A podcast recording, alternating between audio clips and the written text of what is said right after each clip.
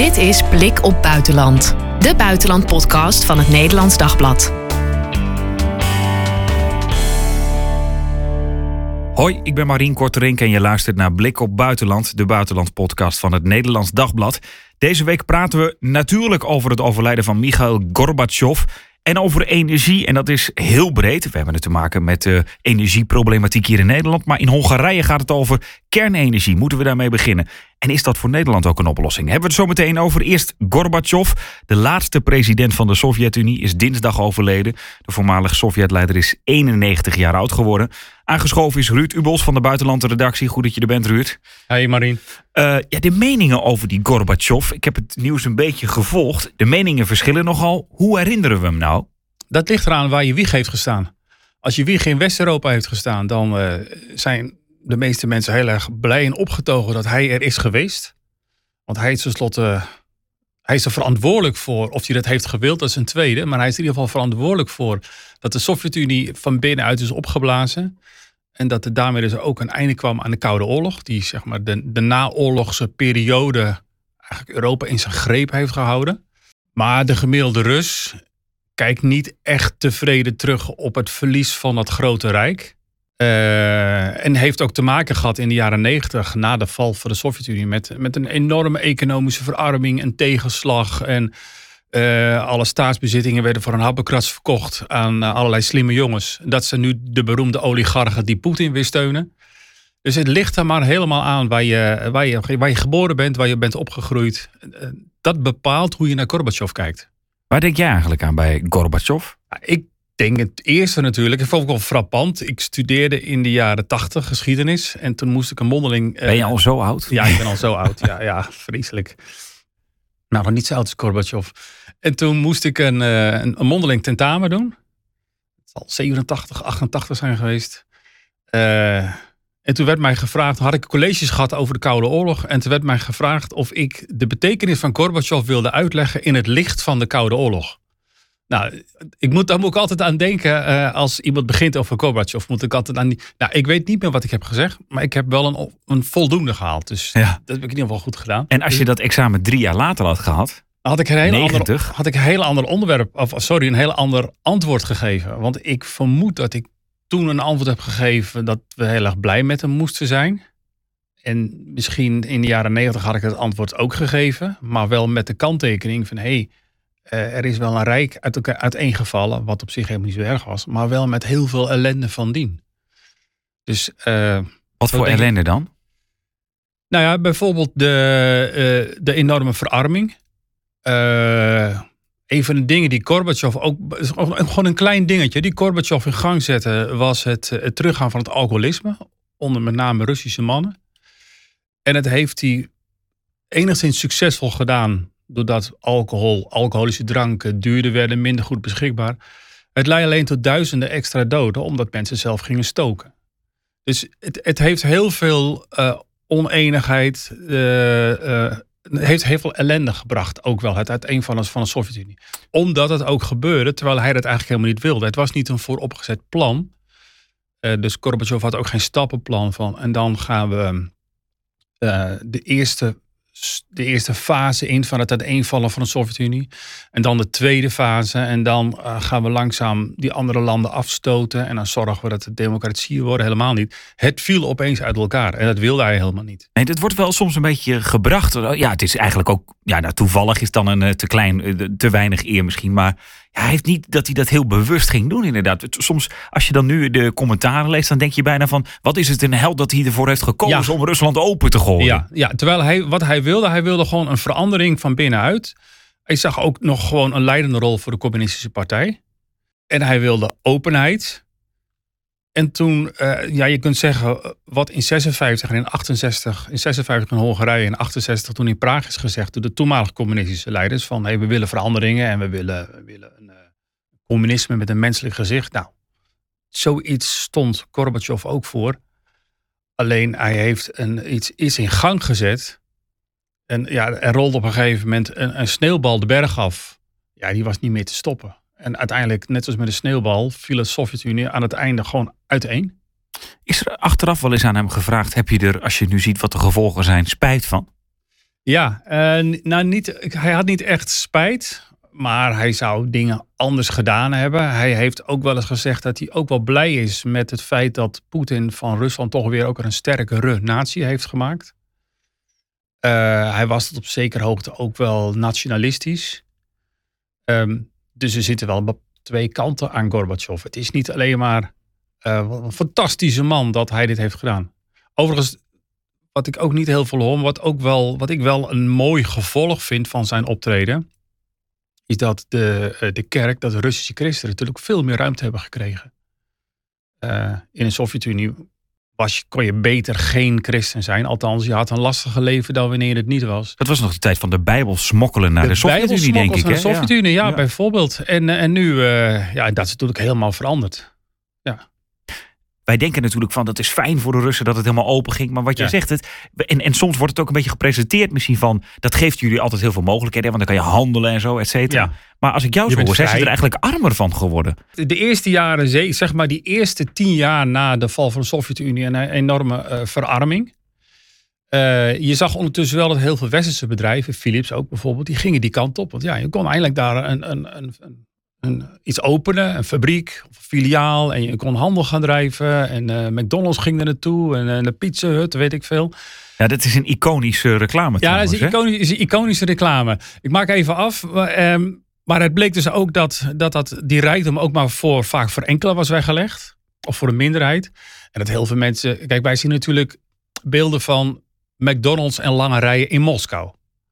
Maar dat, dat enorm grote platteland van wat we nu Rusland noemen. Ja, daar hebben mensen helemaal niet zoveel gemerkt als het gaat om meer rijkdom of, of dat soort dingen. Wel natuurlijk tot op zekere hoogte, maar lang niet zoveel als elders. Vooral de stad. Ja, en die pizzahut, ja, dat is natuurlijk wel... Dat, ja, vertel even. Ja, wat je nu zegt. Uh, eind jaren negentig is er een, uh, heeft de Pizza Hut, dus de Amerikaanse uh, vreedconcern, heeft een, een, reclame opgenomen. Laten we even luisteren, voor de, dan, dan krijgen ja, mensen een beetje gevoel erbij. Политическая нестабильность. Да благодаря ему у нас свобода. Полный хаос. Перспективы. Политическая нестабильность. Да благодаря ему у нас есть писахат. За Горбачева! За Горбачева! За Горбачева! Nou, wat je dus hier hoort, uh, uh, als je even terugkijkt, uh, die beelden zijn natuurlijk ook nog indringender. je ziet Gorbachev over het Rode Plein lopen. Samen met zijn waarschijnlijk een kleindochter. En die gaan naar de pizzahut en die bestellen daar een pizza. Nou, opa met zijn kleindochter, heel leuk, fijn, gezellig. Um, en op een gegeven moment zien mensen in de pizzahut, die zien, hey, Gorbachev zit daar. Dus ja. iemand gaat staan, er zit Gorbachev, er zit Gorbachev. En dan ontspint zich tussen die mensen die daar zitten, ontspint zich een discussie. En dan zegt een, een wat oudere Rus, die zegt, oh, dus die man die heeft bij ons politieke instabiliteit gebracht. Nee, zegt een jongere vent, twintiger. Nee, hij heeft juist gezorgd voor vrijheid. En het gaat zo heen en weer. Dus die oudere man die somt allemaal op wat, er, wat voor ellende. Hij heeft ons in, in de chaos gestort. En op een gegeven moment gaat er een oudere mevrouw staan en die zegt: Nee, hij heeft ons de pizza hut bezorgd. Ja, ja precies. Nou, even los van die reclame voor pizza hut. Die, um, dit is wel een iconische reclame, want die is heel erg illustratief over hoe, Duits, hoe, hoe Duitsers moet je mij horen, hoe Russen um, denken, dachten over Gorbachev. Dus een deel blij met de vrijheid die hij heeft geschonken. En een ander deel die kijkt gewoon in de portemonnee en die zegt: Ja, wacht even, ik heb het alleen maar slechter gehad. Ja. We waren soms gegarandeerd van werk. En ja, we hebben een, een liberaal kapitalistisch marktmodel gekregen. En ik was opeens een baan kwijt. Ja. Dus, en het was ook wel opvallend dat Gorbachev daar zelf aan meewerkte. Maar het verhaal gaat dat hij uh, geld nodig had. Oh ja, dat hij daar wel mee wilde dat werken. hij daar wilde meewerken. En is het ook zo dat de, de jongeren eigenlijk destijds enthousiast daarover waren en de ouderen? Want die dachten misschien ook, hè, misschien kan ik in Europa gaan studeren bij wijze van spreken. Bijvoorbeeld. Eh, eh, en dat de ouderen dachten van, die, die, zagen, die waren iets gewend en die waren daar vooral bang voor? Ja, iets, iets hetzelfde wat je nu bijvoorbeeld ziet in Polen en Hongarije. Daar waar uh, de, respectieve regeringen de, zeg maar, de teugels wat aantrekken en misschien wat conservatiever zijn en misschien enigszins op weg naar wat minder vrije democratie, uh, zie je dat ze vooral worden gesteund door oudere mensen, vooral oudere mensen uit het platteland. En dat twintigers, dertigers zoiets hebben ja, wacht even, uh, straks worden allerlei dingen van ons afgepakt. En kunnen we niet meer studeren in het buitenland? En kunnen we niet meer, nou, noem maar op. eh, Zijn we niet meer vrij om te lezen en te kijken wat we willen als het gaat om de journalistiek? Ehm, dus ja, jongeren kijken natuurlijk heel vaak anders naar een samenleving dan ouderen. Nou heb je twee termen die eigenlijk ook altijd bij Gorbachev worden genoemd. Glasnost en Glasnost. perestroika. Ja. Eh, openheid zei jij net al. Ja. Dat is, eh, Dat is glasnost. ja, en hervorming Ja. is er perestroika. En dat komt vanwege dat hij het land open heeft gegooid. Ja, hij, hij had zoiets van: dit land zit gewoon helemaal op slot. Is door de Communistische Partij op slot gegooid. Mensen hebben niet de mogelijkheid om zich te ontwikkelen. Stak je kop boven het ma eh, maaiveld, werd hij afgehakt. Eh, dus eigen initiatief werd niet op prijs gesteld.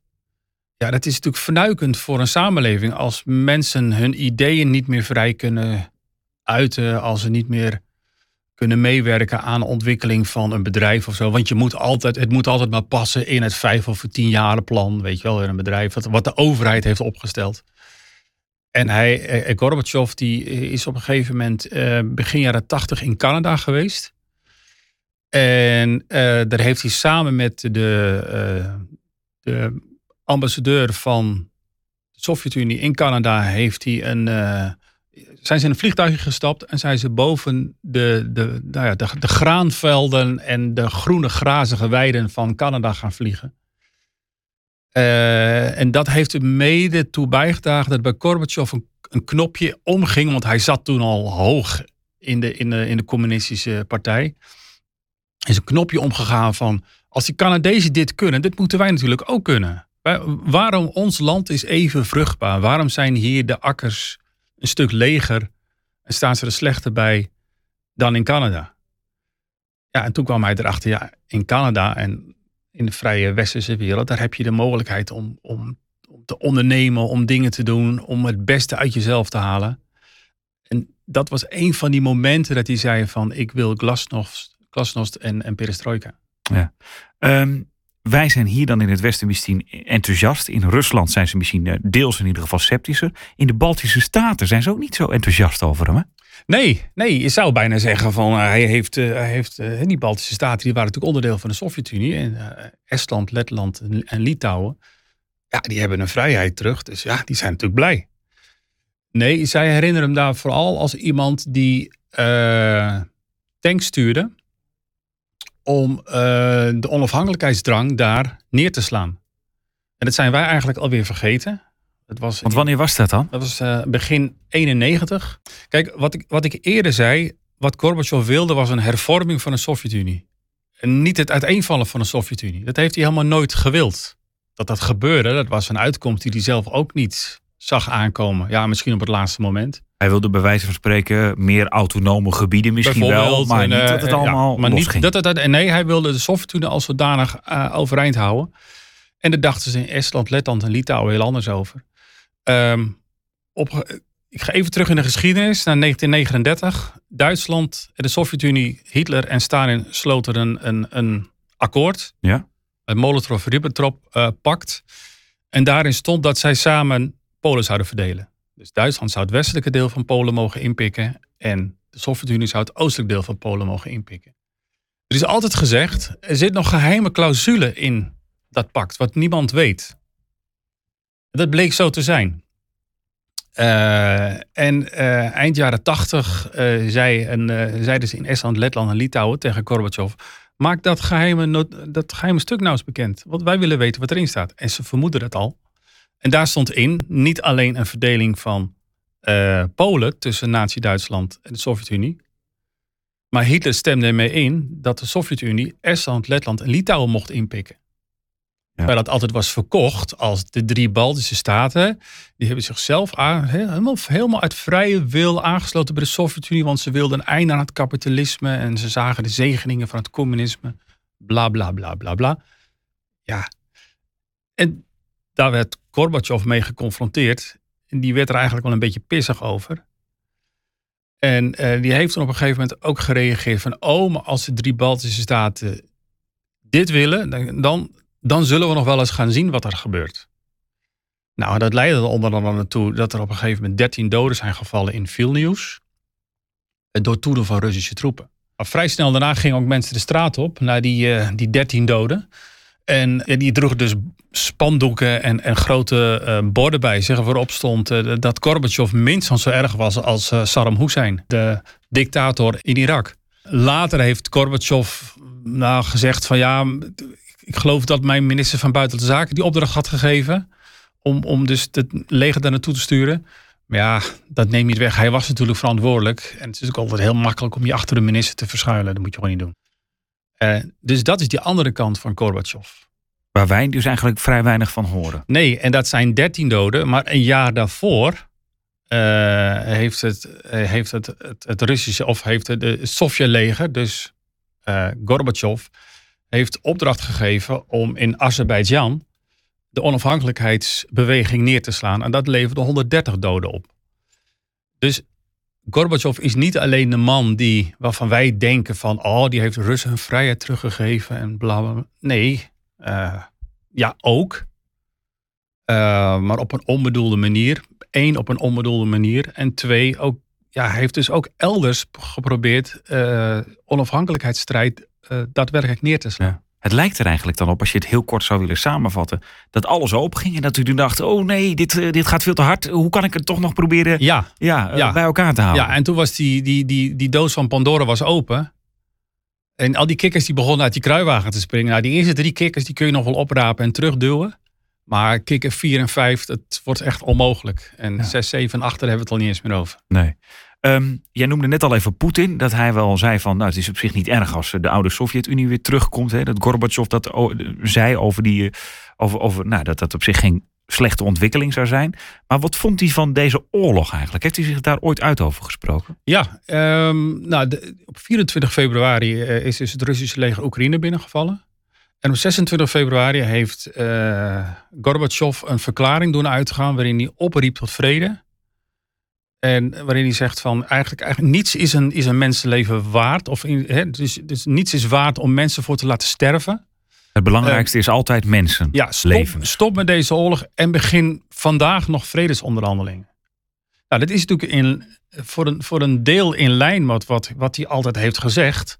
Dat hij een, een, een ehm, het Sovjet-Unie wilde met een menselijk gezicht, wat meer autonomie, et cetera. Daar past natuurlijk niet bij dat je een onafhankelijke staat, in dit geval Oekraïne, binnenvalt. Maar hij heeft zich er verder niet heel actief mee bemoeid. Nee, maar hij was natuurlijk ook wel. eh, ja, hij is op 91 leeftijd gestorven. Ik weet niet precies wanneer hij is geboren, maar nou, hij, 90 was hij in ieder geval in, Ja. in februari. Maar ik kan me voorstellen dat zo'n. eh, In Nederland heb je dat soms als een oud iemand dan nog ineens ergens mee bemoeit. Dan wordt het overal groot opgepakt. Als hij Ja. zou zeggen van.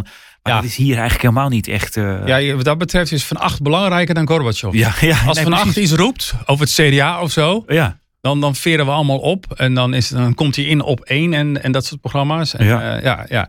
Nee, Gorbachev is nog lang geen Van Acht. nee, nee, precies. Dat gaat hij dus ook niet meer worden. Nee. 91 jaar geworden, Gorbachev. Eh, we blijven wel even bij, eh, bij de Sovjet-Unie of bij Rusland. Ehm, eigenlijk Sovjet-Unie, want Hongarije viel daar ook onder. En eh, deze week schreef... Ja, dat viel Nou, onder, toch? niet onder de Sovjet-Unie, maar natuurlijk wel hoorde bij het Ja, Oostblok. Oostblok, en, ja. en zat onder de knoet van de Sovjet-Unie. Ja, onder de knoet. En dat zitten ze eigenlijk nog steeds onder. Rusland. Dat blijkt de laatste jaren in ieder geval. Ja. Met, met Orbán. En ook omdat ze kerncentrales willen gaan bouwen. Ja, ehm Orbán heeft natuurlijk een hele warme vriendschappelijke band met, eh, met Poetin opgebouwd. Het heeft allerlei redenen. Ik, ik, ik, nou, jij kunt zeggen, ze hebben ongeveer dezelfde ideologische overtuiging als het gaat over eh, man, vrouw, eh, seksualiteit. Eh, nou, heel veel van dat soort standpunten, zitten ze op één lijn. En dat is vooral sinds Orbán. Hè. Daarvoor was het misschien helemaal niet per se Nee, nee, ze dat is echt Orbán die. eh, ja, want het gekke is dat natuurlijk eh, in, in de jaren 90, begin jaren 90 heeft Hongarije is dus weer een, een vrije, onafhankelijke staat geworden. En daarmee bedoel ik los van, van de knoet van de communistische partij, die daar decennia lang heeft geheerst. Ehm, en heel veel Hongaren hebben ook een bloedhekel aan Russen, om die reden.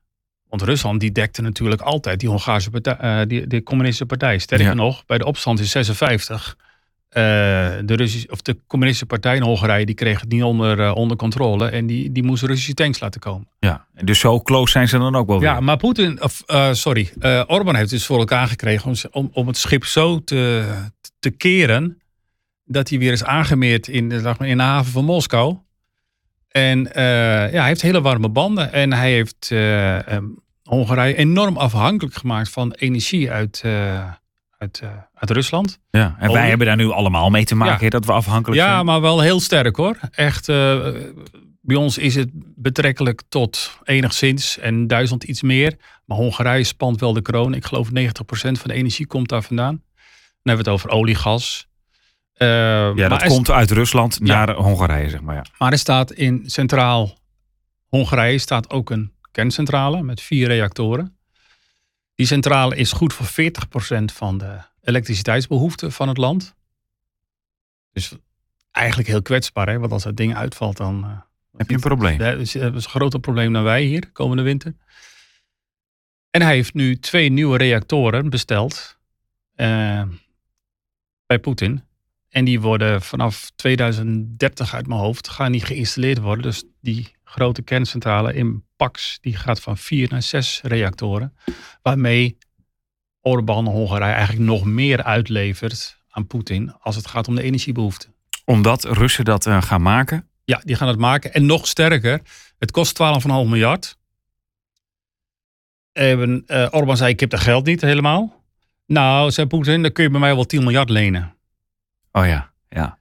Dus je maakt je niet alleen afhankelijk qua energiebehoeften, maar ook financieel. Ja, want dan komt er weer een stemming in Europa. En dan zegt Poetin, jij moet nog 10 miljard betalen. Maar 10 we maken er 9 van als je dit blokkeert, of, bij wijze van. bijvoorbeeld, of eh, er komt eh, over een paar jaar een andere regering die niet zo close wil zijn met Poetin. Die zit dus wel vast aan en de energiebehoefte uit Rusland en aan dat soort bedragen. Ehm, ja, ook al zou Poetin er dan niet meer zijn, dan regeert hij dus over zijn graf. Maar zo'n kernenergie, ja, ik, dat is ingewikkeld soms aan kernenergie. Hoe werkt dat? Kan je niet zeggen van we gaan een andere leverancier nemen zoals wij dat met ons simpele huisje zouden kunnen doen? Nee, nee, nee want kijk, het is, ook, het is ook Russische techniek die in die. Oh ja, ja, het, is niet zo van, nou. eh, en er zijn niet dan eh, Europeanen, zeg maar, die dat dan ook kunnen. Want het is heel specifiek dan. Het is heel specifiek. Ja. En, en het is hun techniek. En zij weten hoe je ermee om moet gaan. Het is niet zo dat, je, dat, dat zeg maar, de, de overheid heeft eh 100 Mercedes besteld. Als dienstauto's. En zeggen, ja, we, eigenlijk, ja, we hebben nou eigenlijk eh, ruzie met Duitsland. Of, of eh, we willen die Mercedes niet meer. We kopen nu gewoon, eh, we, we ruilen ze in voor 100 Renaults. Ja, ja. Zo werkt dat dus niet. Ehm, over kernenergie gesproken. Ik weet dat jij er in de krant over hebt geschreven. Want zou dat, omdat we die nou, in Nederland natuurlijk ook gaan voelen. Hè, de winter komt eraan, hadden we het vorige week al over. De prijzen stijgen door het al dan niet geïsoleerde dak. Ja, Dat verschilt nogal, denk ik. Ja. Ehm, maar of kernenergie een optie zou kunnen zijn. Ja, ik heb er wel voorzichtig over geschreven. Ik moet heel eerlijk zeggen dat ik zelf... Ik ben zelf opgegroeid met het idee van kernenergie is, is gevaarlijk. Eh, eh, eh, Chernobyl bijvoorbeeld. Ik heb er nog een keer een werkstuk over gemaakt, denk ik, of zo. Dan moest je Ja, ja, ja, dat het. Ja. voor of tegen. Ben je er voor of Ja, tegen? weer, ja, oh man, we hebben nog een brede maatschappelijke discussie Ja, gehad in Nederland. Ik weet niet hoe die is afgelopen, maar het gaf heel veel herrie. Ehm, ja, we zijn een beetje opgegroeid van, nou, nou nee, kennis, dat kan echt niet hoor. Het is Levensgevaarlijk. Le- het is en er leven- hoeft maar wat te en- gebeuren en heel Nederland ja, is eh, weg. zo. wel een vliegtuig op, opstorten. En ja, het is. En, eh, en, en denk maar wat gebeurde in ehm ehm, Chernobyl. Chernobyl. Ja. Eh, nou, enorme grote gebieden. Daar mag niemand meer komen. In ieder geval niemand meer leven. Nou, als je dat in Nederland zag ge- gebeuren, dan zou dus eigenlijk het grootste deel of heel Nederland maar, onbewoonbaar worden verklaard. Ja, want voor de, dat was in Chernobyl, maar dat Ja. was, ja, jij hebt dat meegemaakt. Ik, wa- wanneer was dat? eh? Eh 86. ja, dat heb ik dus niet meegemaakt. Dus Ja. ik min 4. Ja, Ehm, maar dat was destijds, eh, voor de mensen die niet mee hebben gemaakt, zelfs dat, dat je in Nederland dan mocht, eh, de, de aardappels kon je niet meer gebruiken van dat dat seizoen werd, ik, zo. ik, kan mij, ik kan me herinneren dat bij het journaal, hè, aan het einde van het journaal heb ik altijd het, eh, het weeroverzicht. En, eh, en in die weken dat dat gebeurde, eh, was het eigenlijk niet zozeer de, de vraag van hoe warm wordt het morgen? Dan krijgen we regen. Maar waar komt de wind vandaan? Ja. En als dan de wind uit het zuidoosten kwam, dan was het eh, van nou ja, ik zou, ik zou de sla uit mijn tuintje maar niet gaan eten. Ja. Want daar kan wel eens een, een zeg maar neerslag van die nucleaire ramp op terechtkomen. Ehm nou, hoeveel kilometer zitten wij daar vandaan? Wat is het? 1500 kilometer of zo? Ja. Dus dat, ja, dat, dat, dat zegt wel iets. ja. Maar dus ben jij nu nog steeds, zeg je van, moeten dat we was niet de doen? vraag. Wat ik, wat ik, ehm, nou, de techniek is wel heel sterk verbeterd. Veiliger. Ehm, En alles afwegende denk ik dat we, dat we wel gewoon serieus erover moeten nadenken. Ik moet ook heel eerlijk zeggen, ik ben er niet helemaal uit. Ik zeg niet van moeten we doen. Maar we moeten wel serieus over nadenken. Kijk, je kunt zeggen van nou ja, eh, het is gevaarlijk en zo. Maar dan, dan die, die kernstaal Chernobyl, die was daar geloof ik in 1969 neergezet. Wij vinden een auto uit 1969 ook gevaarlijk. Ja. Die heeft ook heel veel dingen niet die auto's nu wel hebben. Vergelijking gaat ook meteen mank, geef ik meteen toe. Maar er is natuurlijk wel het een en ander veranderd. En Maar dat is tegelijkertijd natuurlijk het probleem. Want je zegt ook van, we bouwen nu in 2020 iets... wat heel goed tegen bommen kan en zo. en dat wil je ja. natuurlijk. Maar in Zaporizhia, in eh, Ja. Oekraïne, hoor je nu natuurlijk van... ja, we hebben tegenwoordig misschien zulke geavanceerde bommen... dat het toch nog wel gevaarlijk kan En zijn. wie, Want- gar- wie garandeert mij dat wij hier over twintig jaar geen eh, oorlog in Europa hebben? Waarbij op kerncentrales wordt geschoten. Ja. ja even maar een zwart scenario te en nou kan je denk ik niet zomaar een kerncentrale uit laten gaan... met een bom. Nou nee, je kan, ja, je kan hem natuurlijk afschakelen, zoals het heet. Dus je zet hem uit. Ja, dat kan ook niet zomaar, toch? Nee, dat, dat duurt ook even. Maar los daarvan, oké, hij is uit. En Om even simpele mensentaal Ja, te zeggen, hij doet het niet meer. Ja, ja. Dan, een, dan heb je natuurlijk nog al het materiaal wat erin zit, wat radioactief is. Dat is natuurlijk de, dat is natuurlijk de ellende. Als, als dat vrijkomt, en het kan bijvoorbeeld door een, door een raket of een bom of weet ik veel wat. Dan komt het alsnog vrij, ook al is die, ook al is die uit. En het lastige is, je kan nu een bom hebben die, waar je tegen bescherming eh, bouwt. Dat doen we. Maar we weten niet wat een bom over Nee. 60 jaar kan. Nee, nee, nee. En, en, en de andere kant is, we kunnen natuurlijk ook stug zeggen, dat realiseer ik mij. We kunnen ook stug zeggen van, nee, nee, absoluut geen kernenergie. We moeten inzetten op duurzame energie. Ben ik ook helemaal voor. Ik, ik behang mijn hele huis ook als het kan, van boven tot beneden met, eh, met zonnepanelen en, eh, en weet ik veel wat. Ik ga nooit meer in bad. maar, maar ik, je ergens, ehm, het is ook niet, dat is op dit moment nog niet, die duurzame energie is nog niet echt een hele stabiele en betrouwbare bron om zeg maar, de hele Europese samenleving daarvan te voorzien. Dat is nu op dit moment niet het geval. Is de vraag of dat gaat lukken. Nou, dan is het, wat gaan we dan doen? Gaan we dan verder met eh, gascentrales? Nou ja, liever niet, zeggen we nu. Kolencentrales, dat willen we helemaal niet. Want Maar die zijn nog steeds aan. ja, maar die, zijn hebben we nodig. Die hebben we een aantal in Nederland. Zijn we ook al een aantal kolencentrales hebben we gesloten, want ze zijn zo slecht voor het klimaat. Ja, we kunnen natuurlijk wel van alles vinden en zeggen van dat willen we niet, dat willen we niet. Dan moet er wel een alternatief zijn. Nou, dat zou dan, zeg ik heel voorzichtig, kernenergie kunnen zijn.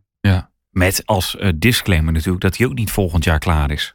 Nee, want we kunnen nu wel zeggen, oh, we hebben gastekort. En we willen geen kolen meer. Laten we een kerncentrale bouwen. Maar dan zijn we tien of twintig jaar verder. Ja. Ja. Zeg het maar. Ja. Zeg het maar. Ja, Ja, jij, jij jij moet, wil nu moet ik het beslissen. Ja, we, jij- gaan met, we gaan met Kennedy. Nee. Jij, jij wil warme voeten. Ja. Nou, daarover gesproken. eh, het is natuurlijk de buitenland podcast van het Nederlands Dagblad. Maar jij hebt ook nog wel wat tips voor onze Nederlandse overheid gegeven ook. Hè? Over wat we zouden kunnen doen om ervoor te zorgen dat het allemaal betaalbaar blijft. Ja, ik heb gewoon maar eens wat vrij zitten denken. En ik denk, je zou bijvoorbeeld kunnen zeggen, eh, we, we, eh, gewoon even één voorbeeld. Iedereen gaat op gas en, en, en elektriciteitsrantsoen. Dat klinkt heel eng. Maar je kijkt gewoon, wat verbruik je nou als huishouden? Wat is gemiddeld? Hè? Zoals Wat is er gemiddeld? En dan, kijk je, en dan kijk je naar eh, hoe groot is het huishouden, hoeveel personen. En wat voor energielabel heeft je woning. En je krijgt genoeg om dat allemaal van, van warmte en energie te voorzien. En daar betaal je gewoon een bedrag voor. Een redelijk bedrag. En als de prijs enorm gaat stijgen. Of als jij veel meer gaat gebruiken dan gewoon nodig is. Dus je denkt, nou, lekker in mijn jacuzzi zitten. Oh, heerlijk. En daarna ga ik nog even in de sauna. En de tuin nog even sproeien. En de tuin nog even sproeien. En nou ik toch bezig ben, ik heb toch mijn onderbroek aan. Ik ga nog even eh, onder de zonnebank liggen. Dat zijn allemaal hele leuke hobby's. Ehm, maar de volle, het volle bedrag daarvan, dat betaal je dan maar mooi zelf. Nou, Ja. dus dan kan de overheid je tegemoet komen. Gewoon voor wat nodig is. En eh, helemaal niet knieperig of zo hoor. Dat je dan altijd alles, je hele woonkamer op 18 graden of zo. Nee, we gaan even gewoon vanuit 21 graden. Gewoon een normaal leven. Maar alles wat je daarboven zelf leuk vindt of aardig, nou, dat mag je zelf betalen. En dan, de, en dan ook de volle map. Dus dan subsidieert de overheid het ook niet meer. Kijk, Zoiets. In- interessant.